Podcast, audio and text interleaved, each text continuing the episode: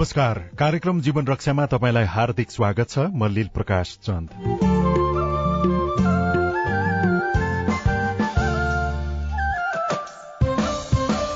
सामाजिक शैक्षिक व्यावसायिक गतिविधि स्वास्थ्य सावधानी समसामयिक राजनैतिक परिवेशको बारेमा यो कार्यक्रममा हामी विशेषतः छलफल गर्छौं। सामुदायिक रेडियो प्रसारक संघ अकोराबद्वारा संचालित सीआईएनको प्रस्तुति यो हो कार्यक्रम जीवन रक्षा। कार्यक्रम जीवन रक्षा सीआईएन मार्फत मुलुकभरका सामुदायिक radio website CIN Khabar dot com Facebook page CIN Khabar CIN Saajha Khabar mobile app सीआईएनबाट पनि तपाई सुनिरहनु भएको छ। आजको कार्यक्रम जीवन रक्षामा हामी स्वास्थ्य क्षेत्रका विकृति रोक्नका लागि सरकारले गर्नुपर्ने काम र राष्ट्रपति उपराष्ट्रपतिको निर्वाचनका लागि दलहरूको तयारीका बारेमा सरोकारवाला निकायका प्रतिनिधिसँग कुराकानी गर्दैछौ। यी दुवै विषयमा तपाईँको पनि कुनै विचार वा जिज्ञासा छ भने हामीलाई अहिले नै फोन गर्न सक्नुहुन्छ। शून्य एक बाहन्न साठी छ सय एकसठीमा अहिले नै फोन गर्नुहोला। तपाईँले कार्यक्रम जीवन रक्षा हाम्रो फेसबुक पेज सीआईएन खबरबाट सुन्दै हुनुहुन्छ भने त्यहाँ कमेन्ट गर्नुभयो भने पनि हामी तपाईँका जिज्ञासा सम्बोधनको प्रयास गर्नेछौं। शुरूमा हामीसँग कुराकानीका लागि जनस्वास्थ्य विज्ञ डाक्टर खेम कार्की टेलिफोन सम्पर्कमा हुनुहुन्छ। सरकार विस्तारसँगै स्वास्थ्य मन्त्री र राज्य मन्त्री नियुक्त भइसकेका छन्। मन्त्री र मन्त्रालयले कसरी काम गर्नुपर्छ यस बारेमा हामी डाक्टर कार्कीसँग कुराकानी गर्दैछौ। डाक्टर साहब स्वागत छ कार्यक्रम जीवन रक्षामा यहाँलाई। धन्यवाद नमस्कार। अब अहिले जुन प्रकारको मन्त्रालयको जिम्मेवारी सँगसँगै मन्त्री परिषदको विस्तार सँगसँगै विशेषतः स्वास्थ्य क्षेत्रको लागि मन्त्री र राज्य मन्त्री नियुक्त हुनुभयो।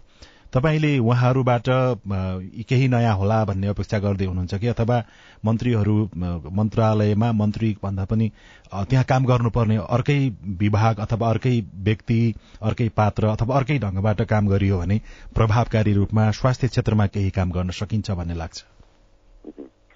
एकदमै महत्वपूर्ण कुराहरू हामी छलफल गर्दैछौँ आज वास्तवमा। यो महत्वपूर्ण समय हो। मलाई के लाग्छ भने स्वास्थ्य चाहिँ एउटा निरन्तरको विषय हो। हरेक व्यक्तिको स्वास्थ्य हरेक समाजको स्वास्थ्य यो निरन्तरको विषय हो। त्यसैले एउटा मजबुत प्रणाली हामीलाई जरुरी छ।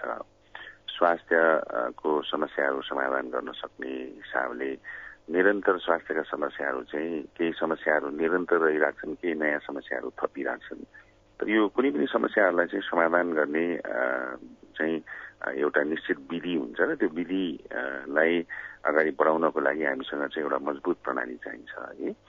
अब अहिलेको स्वास्थ्यको स्थिति स्वास्थ्य मात्रै होइन सबै क्षेत्रमा चाहिँ खास गरी नयाँ संविधान नेपालको संविधान दुई हजार बहत्तर आइसकेपछि हामी देश संघीयतामा गयो र संघीयताको संरचना सँगसँगै हामीले स्वास्थ्यको प्रणालीलाई पनि संघीयताको संरचनासँग ढाल्नुपर्ने र त्यही अनुसारको चाहिँ व्यवस्थापन गर्नुपर्ने। त्यो सबैभन्दा ठुलो मलाई लाग्छ अहिलेको सरकारको हिजोको सरकारको पनि र अहिलेको सरकारको सबभन्दा ठुलो एउटा जिम्मेवारी चाहिँ त्यो हो। त्यसैले अब अहिले हाम्रो स्वास्थ्यको सबैभन्दा ठुलो यो कोभिड नाइन्टिनको पेन्डेमिकले पनि के देखायो भने हामी संरचनागत हिसाबले चाहिँ नयाँ संरचनामा गयौँ स्थानीय सरकार प्रदेश सरकार र चाहिँ संघ सरकारको हिसाबले। तर अब हाम्रो संरचनाहरू चाहिँ त्यसरी स्थानीय प्रदेश र चाहिँ संघीय हिसाबले चाहिँ मजबुत भइसकेको अवस्था थिएन अहिले पनि मजबुत छैन। त्यसैले पहिलो जिम्मेवारी भनेको चाहिँ स्थानीय स्वास्थ्य प्रणाली कस्तो बनाउने प्रदेशले के गर्ने सङ्घले के गर्ने कस कसको जिम्मेवारीहरू के हो त्यो बिचको समन्वय के हो सहकार्य के हो साझेदारी के हो यो चिज चाहिँ एकदमै क्लियर हुनुपर्ने तर जस्तो संविधानमा र सरकारहरूले पनि बजेट ल्याउँदाखेरिदेखि कार्यक्रम पैसा छुट्याउने सन्दर्भमा त यो स्थानीय तहसम्मै विशेषज्ञ सेवा पुर्याउने भनेर लेखेको घोषणा गरिएको छ। तपाईँले त्यसमा अझै काम भएकै छैन गर्नु बाँकी छ भन्दै हुनुहुन्छ। भनेको हामीले जुन बजेट बनाउँछौ जुन कार्यक्रम बनाउँछौ त्यो अनुसारको कामै भइराखेको छैन भन्ने हो कि? भयो तर त्यो पर्याप्त भएन भन्ने कुरा हो। यस्तो छ अब सपना चाहिँ हरेक पार्टीको हरेक चाहिँ यो चुनावी घोषणा पत्रहरूमा अथवा चाहिँ त्यो पार्टीले प्रतिबद्धता जनाउने कुराहरूमा चाहिँ विशेषज्ञ सहितको स्वास्थ्य सेवा चाहिँ स्थानीय क्षेत्रमा पुर्याउने भन्ने कुरा छ। तर संरचनागत हिसाबले हेर्ने हो भने एउटा स्थानीय सरकारको स्वास्थ्यको इन्चार्ज को हुन्छ भन्दा हिजो एसएलसी पास गरिसकेपछि अठार महिनाको तालिम लिएको दुई महिना दुई वर्षको तालिम लिएको व्यक्तिहरू नै अहिले पनि स्वास्थ्यको इन्चार्ज हुनुहुन्छ। यो यो यो दुईटा चिज तालमेल मिलिरहेको छैन। एउटा सपना देख्नु ठुलो कुरा हो। त्यसैले त्यो सपनासँग सम्बन्धित कार्यक्रमहरूको लागि त्यही खालको संरचनाहरू बनाउनु अहिलेको जरुरी हो अथवा अहिलेको सरकारले त्यो गर्नुपर्छ। अब विगतको सरकार भनौँ अथवा योभन्दा अगाडिको सरकार भनौँ सरकार त यहाँ यति धेरै छिटो परिवर्तनहरू भए एउटा नयाँ थालनी के गरिएको थियो भने आधारभूत तहको सबै खालको स्वास्थ्य सेवा चाहिँ कम्तीमा स्थानीय तहबाट स्थानीय सरकारबाट चाहिँ यो उपलब्ध हुनुपर्छ भनेर आधारभूत अस्पतालको एउटा परिकल्पना गरिएको छ। पाँच दस पन्ध्र बेडको अस्पताल सहितको स्वास्थ्य सेवा। अस्पताल मात्रै चाहिँ स्वास्थ्य सेवा होइन फेरि यो पनि एकदमै हामीले बुझ्नु जरुरी छ। त्योसँग सम्बन्धित चाहिँ यो जनस्वास्थ्यका थुप्रै विषयवस्तुहरूलाई त्यहाँ नेतृत्व गर्न सक्ने खालको आधारभूत अस्पताललाई सञ्चालन गर्न सक्ने खालको स्थानीय स्वास्थ्य प्रणाली जरुरी छ। अब त्यो स्थानीय क्षेत्रमा हामीले विशेषज्ञ सहितको अझ हामीले सपना देखाएका छौँ। विशेषज्ञ सहितको नभए पनि अहिले आधारभूत तहको मेरो त्यो अनुरोध के छ भने आधारभूत तहको सबै खालको स्वास्थ्यको सेवाहरू चाहिँ यदि हामी स्थानीय तहसम्म पुर्याउन सक्यौँ भने पनि एकदमै ठुलो कुरा हुन्थ्यो। प्रदेश लेभलमा चाहिँ विशेषज्ञ सहितको सेवा पुर्याउन सक्यौँ भने पनि हामीले एकदमै ठुलो कुरा गर्थ्यौँ कि। तर अब अहिले यो के छ भने चुनावी घोषणापत्र चाहिँ पपुलर हिसाबले बनाइदिने। तर हामी यता संरचनाको कुराकानी गर्दाखेरि चाहिँ संरचनामा चाहिँ बेसिक न्यूनतम संरचनाको कुरा पनि हाम्रो चाहिँ यो सरकारहरूमा नहुने यो स्थिति देखिन्छ। त्यसैले पहिलो प्राथमिकता चाहिँ यसलाई एकदमै घनीभूत छलफल गरेर मसिनो ढङ्गले हामी के के कुराहरू चाहिँ स्थानीय तहसम्म पुर्याउन सक्छौँ? के के कुरा प्रदेशमा लानुपर्छ? के के कुरा सङ्घले राख्नुपर्छ भनेर एउटा पुनर्संरचनाको नयाँ ढङ्गको छलफल जरुरी छ जस्तो अब तपाईँले जुन आधारभूत जुन सेवा पुर्याउनको लागि पनि हामीले काम गर्न सक्यौँ भने यो पर्याप्त हुन्छ भन्नुभयो। अनि यसको लागि अब तीन तहको सरकार छ। स्थानीय सरकारले कस्तो प्रकारको भूमिका अहिले खेलिराखेको र आगामी दिनमा कस्तो भूमिका खेल्नुपर्ने कुरा होला? प्रदेश सरकार संघीय सरकार तीन तहको सरकारले कुन सरकारले कस्तो प्रकारको भूमिका निर्वाह गर्यो भने त्यो सेवा सुविधा हामी छोटो समयमै पुर्याउन सक्छौं अथवा सजिलो हुन्छ भन्ने तपाईँलाई लाग्छ? अब मलाई चाहिँ के लाग्छ भने अब यो संविधानको अनुसूचीमा ककसले के के काम गर्ने स्थानीयले के गर्ने संघले के गर्ने प्रदेशले के गर्ने संयुक्त रूपमा यो तिनै सरकारले के गर्ने भन्ने कुराहरूको चाहिँ मोटो खाका संविधानको अनुसूचीमा लेखिएको छ। र अब त्यसैको अनुसूचीलाई थप व्याख्या पनि गरिएको छ यसलाई फङ्सनल एनालाइसिस भनेर।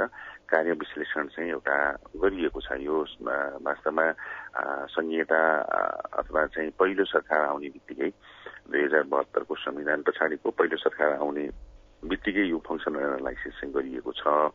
तर त्यो फङ्सनल एनालाइसिस एकातिर छ। अनि हामीले गरिरहेको कामहरू सङ्घको मन्त्रालयले अथवा प्रदेशमा त हिजो स्वास्थ्य मन्त्रालय नै थिएन। अनि स्थानीयले गरिरहेको कामहरू चाहिँ कम्प्लिटली फरक छ है।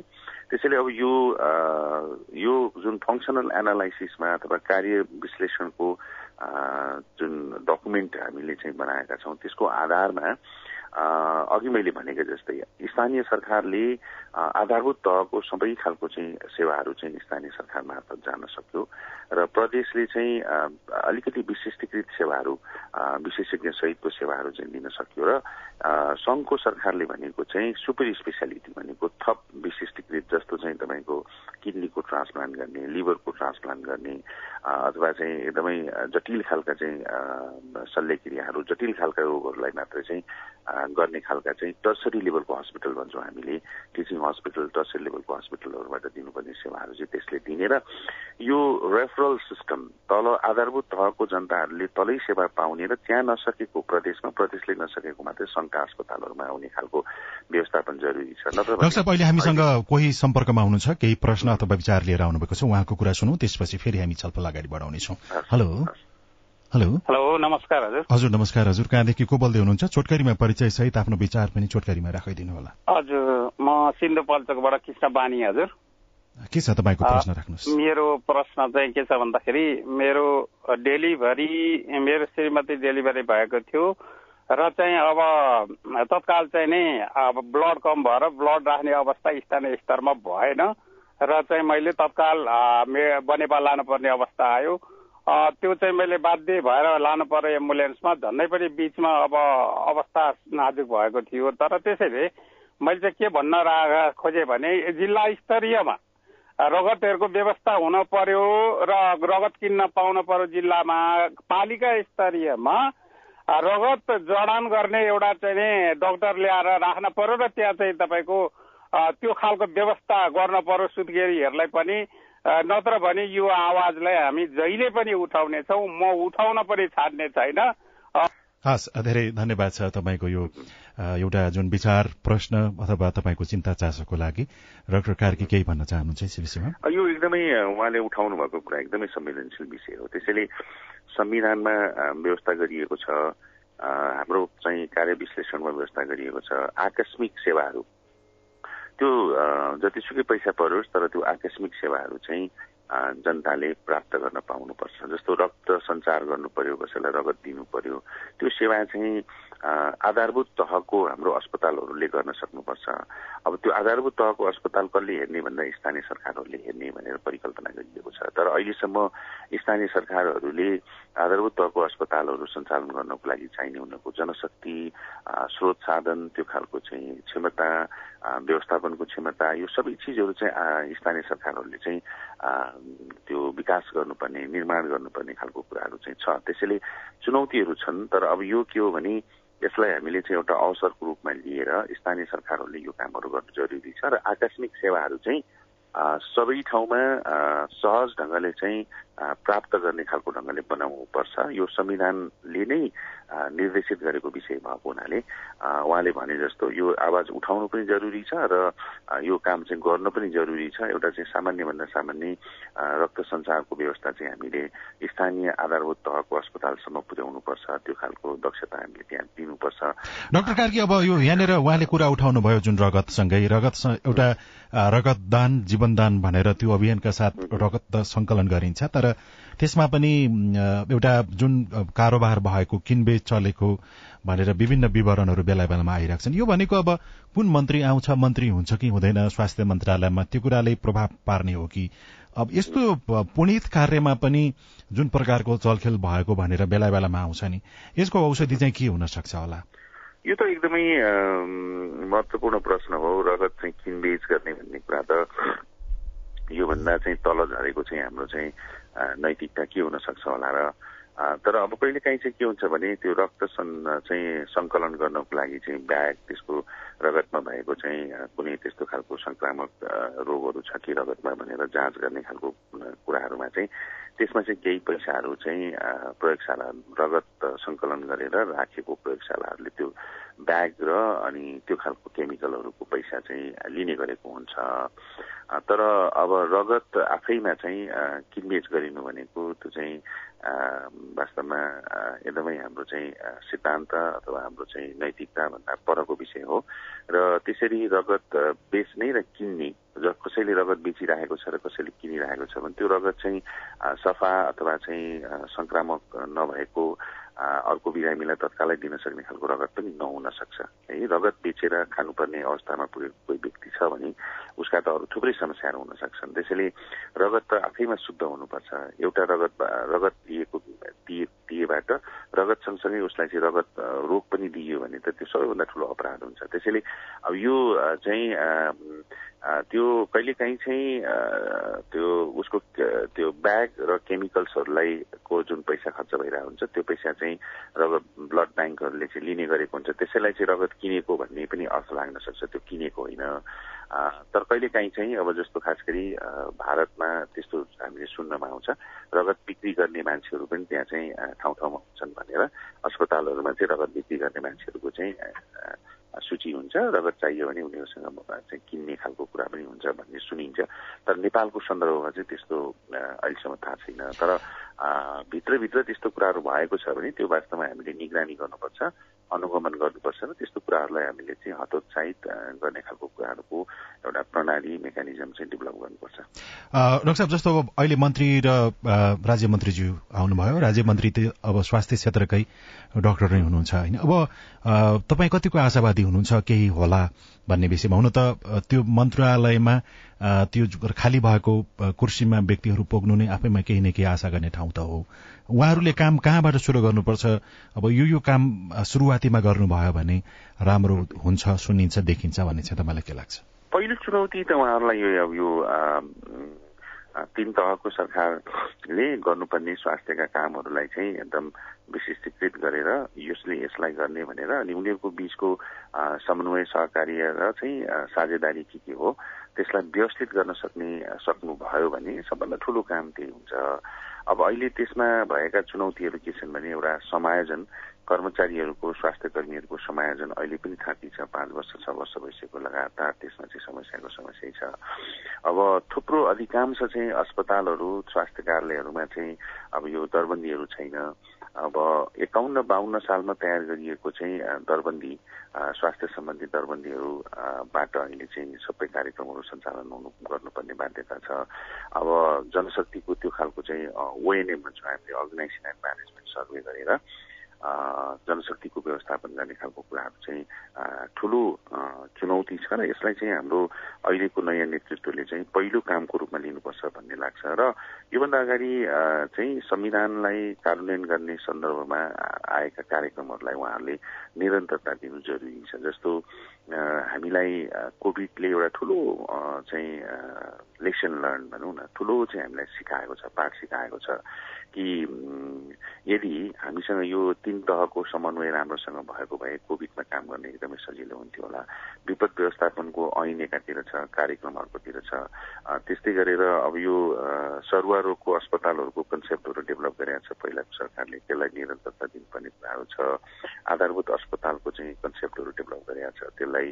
र त्योदेखि बाहेक अब राष्ट्रिय रूपमा चाहिँ राष्ट्रिय रोग रोकथाम नियन्त्रण केन्द्रहरू राष्ट्रिय यो प्रत्यायन प्राधिकरणहरू त्यसपछि खाद्य तथा औषधि नियमन प्राधिकरणहरू यी चाहिँ के संस्थाहरू हुन् भने त्यसले स्वास्थ्यलाई गुणस्तरीय स्वास्थ्यमा चाहिँ परिवर्तन गर्नको लागि चाहिँ सबभन्दा ठुलो चाहिँ निकायहरू अधिकारहरू सम्पन्न त्यस्तो खालको निकायहरू तयार गर्नुपर्ने। र अहिलेको संरचनाहरू जुन चाहिँ सङ्घ संस्कारसँग रहेका संरचनाहरू त्यो चाहिँ तल कार्यान्वयनको तहमा प्रदेशमा अथवा चाहिँ स्थानीय तहमा जानुपर्ने संरचनाहरू सङ्घमै बसिराखेको अवस्था छ। सङ्घले भनेको चाहिँ नीति बनाउने हो कार्यक्रम बनाउने हो निर्देशिकाहरू बनाउने हो स्ट्यान्डर्ड प्रोटोकलहरू बनाउने हो र कार्यान्वयन भनेको प्रदेश र स्थानीय तहले गर्ने हो। तर यो अहिले त्यो ठ्याक्कै चाहिँ संविधानले जे खालको चाहिँ परिकल्पना गरेको छ त्यो परिकल्पना अनुसार कामहरू भएको छैन। त्यहीँबाट उहाँहरूले सुरु गर्नु जरुरी छ। र अहिले अब चलिरहेका एकदम प्रभावकारी कार्यक्रमहरूलाई पनि थप प्रभावकारी बनाउने कुराहरूमा उहाँहरूले सोच्नुपर्छ जस्तो खोप एउटा प्रभावकारी कार्यक्रम हो हाम्रो लागि अब सेफर मदरहुडको सुरक्षित मातृत्वको जुन जति पनि कामहरू भएको छ त्यो कामहरू हामीले प्रभावकारी रूपमा गरिरहेछौँ अहिलेसम्म तर अझै पुगेको छैन किनभने हाम्रो चाहिँ मातृ मृत्यु दर अथवा चाहिँ बालबालिकाहरूको मृत्यु दर चाहिँ अरू देशहरूको दाँजोमा हामी अझै पनि माथि छ। घटाउन त हामीले घटाएका छौँ तर पनि अझै हामीले घटाउनु पर्ने जति घटाउन सकेका छैनौँ। अब अर्कोतिर चाहिँ चुनौती के भइरहेछ भन्दाखेरि किशोर किशोरीहरूको चाहिँ विवाह गर्ने र चाहिँ बच्चा जन्माउने खालको दर चाहिँ एडोलेसन फर्टिलिटी भन्छौँ हामीले। एडोलेसन फर्टिलिटी चाहिँ घट्नुपर्नेमा जे ढङ्गले घट्नुपर्ने हो त्यो घटेको छैन। बिचमा त अलिकति बढेको छ।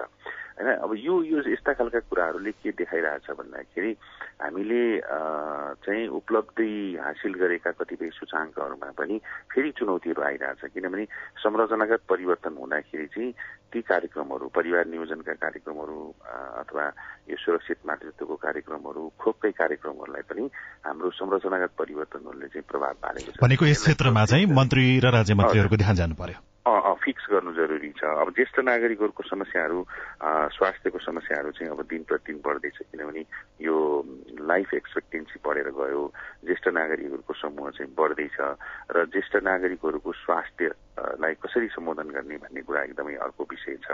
अब हामीले यो स्वास्थ्यको सेवाको पहुँचलाई बढाउनको लागि चाहिँ सामाजिक स्वास्थ्य बिमाको परिकल्पना छ।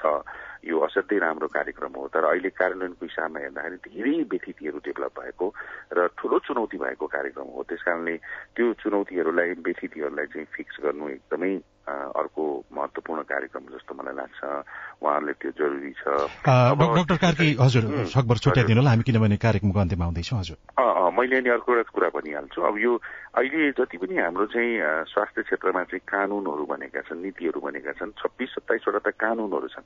र कतिपय कानूनहरू चाहिँ यति पुराना भएका छन् कि त्यो कानूनबाट हामीले कामै गर्न सक्दैनौँ। त्यस्तो कानूनहरूलाई हामीले चाहिँ हटाउनु संशोधन गर्नु परिमार्जन गर्नु जरुरी छ।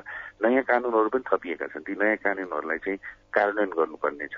त्यसैले कार्यक्रमहरू बनेका छन् कानूनहरू बनेका छन् नीतिहरू बनेका छन् कार्ययोजनाहरू बनेका छन्। त्यसलाई चाहिँ एकदमै प्रभावकारी कार्यान्वयन नै मात्रै गर्न सकियो। भने पनि ठुलो कुरा हुन्छ र स्वास्थ्यको क्षेत्रमा अनुसन्धानको विषय छ त्यो अनुसन्धानमा हाम्रो लगानी एकदम कम छ होइन त्यसलाई पनि अलिकति बढाउनु जरुरी छ हामीले जडीबुटीको यत्रो ठुलो कथा कुराकानीहरू गर्छौँ। त्यो जडीबुटीको व्यवस्थित प्रशोधन व्यवस्थित चाहिँ त्यसलाई चाहिँ औषधिको रूपमा परिवर्तन गर्ने खालको कुराहरूमा हाम्रो चाहिँ ध्यान पुगेको छैन। यी सबै चिजहरू चाहिँ अहिलेको सरकारले नेतृत्व गर्न सक्यो भने हामी केही देखिने परिवर्तन गर्न सक्छौँ जस्तो हस् समय दिनुभयो। कुराकानीको लागि यहाँलाई धेरै धेरै धन्यवाद छ जनस्वास्थ्य विज्ञ डाक्टर खेम कार्की हुनुहुन्थ्यो। स्वास्थ्यपछि अब हामी लाग्दैछौ राजनीतिक प्रसंगतर्फ राजनीतिमा सभामुख उपसभामुखको निर्वाचन सम्पन्न भइसकेको छ। राष्ट्रपति उपराष्ट्रपतिको निर्वाचन हुन बाँकी छ। अब राजनीतिक दलहरू त्यसतर्फ लाग्दैछन्।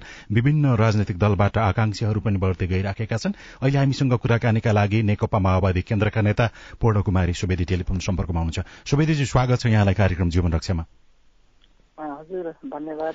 अब माओवादी केन्द्रले स्थायी कमिटिको बैठक पनि बोलाएको छ र अहिले भएको शक्ति बाँडफाँडको सहमति अनुसार माओवादी केन्द्रलाई उपराष्ट्रपति पद भाग परेको छ। के छ अब स्थायी कमिटिको बैठक बोलाइसकेपछि माओवादी केन्द्रले के विषयमा छलफल गर्दैछ? त्यहीँबाट अगाडि बढौँ। होइन पार्टीले त अहिलेको राजनीतिक विषय समसामयिक विषयमा पनि छलफल गर्ने निर्वाचनको प्रक्रियामा पनि छलफल गर्ने र पार्टीले आगामी कामको बारेमा पनि छलफल गर्ने भन्ने चाहिँ छ विषयहरू। त्यही विषयमा छलफल गर्ला। र अहिले अब अहिले नै अब यो एजेन्डा हो पार्टीको भन्ने त अब बाहिर आएको छैन। तैपनि हाम अनुमानमा र अब त्यहाँ भएका सूचनाहरू त्यहाँका सचिवालयमा भएका कमरेडहरूको सूचना अनुसार यिनै विषयहरूमा छलफल हुन्छ भन्ने मैले सुनेको छु। अब अहिले अहिलेको सबभन्दा जल्दो बल्दो विषय भनेको राष्ट्रपति सहमति अनुसार नेकपा एमालेको भागमा पर्यो तर तपाईँको पार्टीको अध्यक्ष तथा प्रधानमन्त्रीज्यूले राष्ट्रपतिमा अरू जसरी कांग्रेसले इच्छा देखाइराखेको छ सहमति भइदियो हुन्थ्यो भनिराख्नु भएको छ। यदि उपराष्ट्रपति माओवादी केन्द्रको भागमा परे अनुसार त्यो कार्यान्वयनमा गयो भने तपाईँ पनि उपराष्ट्रपतिको लागि दावेदार अथवा आकांक्षा देखाइराख्नु भएको छ होइन? कि यसमा अब सहमति हुन्छ कि? अथवा कसरी तपाईँहरूले छनौट गर्नुहुन्छ त? उपराष्ट्रपतिको उम्मेद्वार कसलाई बनाउने भन्ने बारेमा? यसमा त पार्टीमा छलफल हुन्छ। पार्टीमा छलफल गरेर पार्टीले निर्णय गर्छ। त्यो अनुसार को कहाँ कसको जिम्मेवारी कसको भूमिका कहाँ भन्ने विषय त पार्टीले निर्णय कमिटीले निर्णय गर्ने विषय हो। फेरि पनि अब हिजोदेखिको राजनीतिक आन्दोलन पार्टीमा हिजोदेखि गरेको त्याग तपस्या लगानी राख्ने त्यसमा सहभागी हुने त्यो भूमिका निर्वाह गर्दै आउने कार्यकर्ताहरू आकाङ्क्षी नहुने त कुरो भएन तपाईँ तपाईँ चाहिँ किन आउन खोज्नु भयो यो राष्ट्रपति पदमा अथवा दावी गर्नुभएको आकाङ्क्षा राख्नुको कारण? यो यो कारणले गर्दाखेरि म उपयुक्त हुन सक्छु भन्ने चाहिँ तपाईँको कुरा पनि केही होला नि। होइन आकाङ्क्षा त अब मान्छेले राख्छ अब अहिलेसम्म त ललितजी हाम्रो पार्टीमा त मेरो मेरो हकमा भन्दाखेरि त कुनै पनि जिम्मेवारी दिँदाखेरि पार्टीले मूल्याङ्कन गरेर दिएको म उपसभामुख संविधान सभाको उपाध्यक्ष हुँदाखेरि पनि उम्मेदवारी दिन जाने दिन मात्रै जाने बेलामा मात्रै मैले थाहा पाएको थिएँ। र मैले अझ यो विषयमा होइन मैले त सक्छु त त्यो त्यो भूमिका निर्वाह गर्नसम्म पनि मैले भनेको थिएँ। तपाईँले किन नसक्ने ल छिटो जानुहोस् भनेर भन्दाखेरि मेरो मेरो उम्मेदवारी पछि पछाडि भएको हुनाले धेरै त्यो निर्वाचनको दिन पनि लामो प्रक्रियाबाट जानु परेको थियो। त्यसो हुँदाखेरि अब हामी समाजमा भएका विकृति विसङ्गति अन्याय अत्याचारका विरुद्ध लाग्दै आइयो। महिला आन्दोलनलाई उठाउने विषयमा पनि त्यहाँभित्र रहेका विकृति विसङ्गति महिलाप्रति सामाजिक रूपमा हेर्ने दृष्टिकोण पार्टी यो पुरुषवादी समाज छ यो सामन्तवादी चिन्तन छ यसका विरुद्ध पनि लाग्ने विषय र हामी लाग्दै आएको हो म त्यसरी पनि लाग्दै आएको विषय हो आन्दोलनमा। त्यस कारण त्यो भूमिका पुरा गर्न सक्छु भन्ने मलाई लाग्छ। किनकि मेरो एउटा अनुभव पनि छ र त्यो अनुभवका आधारमा पार्टीले फेरि मेरो व्यक्ति व्यक्तिले चाहने कुरो व्यक्तिको चाहना व्यक्तिको इच्छा आकाङ्क्षाले मात्रै पनि हुँदैन। त्यो हाम्रो पार्टीभित्रको एउटा मूल्याङ्कन हुन्छ निर्णय हुन्छ। भनेको यदि पार्टीले तपाईँलाई उम्मेद्वार बनायो भने उपराष्ट्रपतिको लागि तपाईँ तयार? त्यो त अब सबै क्षेत्रबाट सबै राजनीतिक रूपबाट सबै हिसाबले स्वाभाविक रूपमा यो कार्यकर्तालाई यो भूमिका दिँदा उपयुक्त हुन्छ यसमा विवाद हुँदैन। यसले राम्रै गरेको छ भन्ने ढङ्गले नै पार्टीले मूल्याङ्कन गर्छ र निर्णय गर्छ। पार्टीले निर्णय गरेको अवस्थामा त्यो भूमिका पुरा गर्न सक्छु भन्ने चाहिँ हो। त्यसमा फेरि पार्टीले निर्णय नगरिकन होइन अब मूल्याङ्कन नगरिकन धेरै महत्वाकांक्षी हुने भनेको कुरो त्यो पनि राम्रो हुँदैन फेरि। किनकि त्यो त समग्र विषयको मूल्याङ्कन हुन्छ। त्यसकारण पार्टीले अहिलेसम्म दिएका जिम्मेवारीहरू पुरा गर्दै आएको अवस्था हो र पुरा गर्ने त्यो एउटा दृढ इच्छा शक्ति पनि छ। त्यसो हुँदाखेरिको त्यो एउटा आकाङ्क्षाको विषय मात्रै हो। निर्णय पार्टीले गर्ने हो। हस् तपाईँलाई शुभकामना छ र समय दिनुभयो कुराकानीको लागि यहाँलाई धेरै धेरै धन्यवाद छ। माओवादी केन्द्रका नेता पूर्ण कुमारी सुवेदी हुनुहुन्थ्यो। यदि माओवादी केन्द्रले उपराष्ट्रपति पदमा उम्मेद्वार बनाउन चाहेको अवस्थामा एकजना दावेदार मध्येका नेता उहाँले आफूलाई पनि बताउनुभयो र अरू विभिन्न नेताहरूले पनि आकांक्षा देखाइराखेको भनेर विवरणहरू सार्वजनिक भइराखेका छन्। यो सँगै आजको कार्यक्रम जीवन रक्षाको समय सकिएको छ। कार्यक्रम सुनिसकेपछि तपाईँको मनमा उठेका प्रश्न र कुनै विचार भए हामीलाई पठाउन वा लेख्न सक्नुहुन्छ। यसका लागि हाम्रो इमेल ठेगाना Saajha Khabar at Gmail dot com IVR number शून्य एक बान्न साठी छ चार छमा फोन गरेर दिइएको निर्देशन अनुसार आफ्नो विचार रेकर्ड गर्न सक्नुहुनेछ।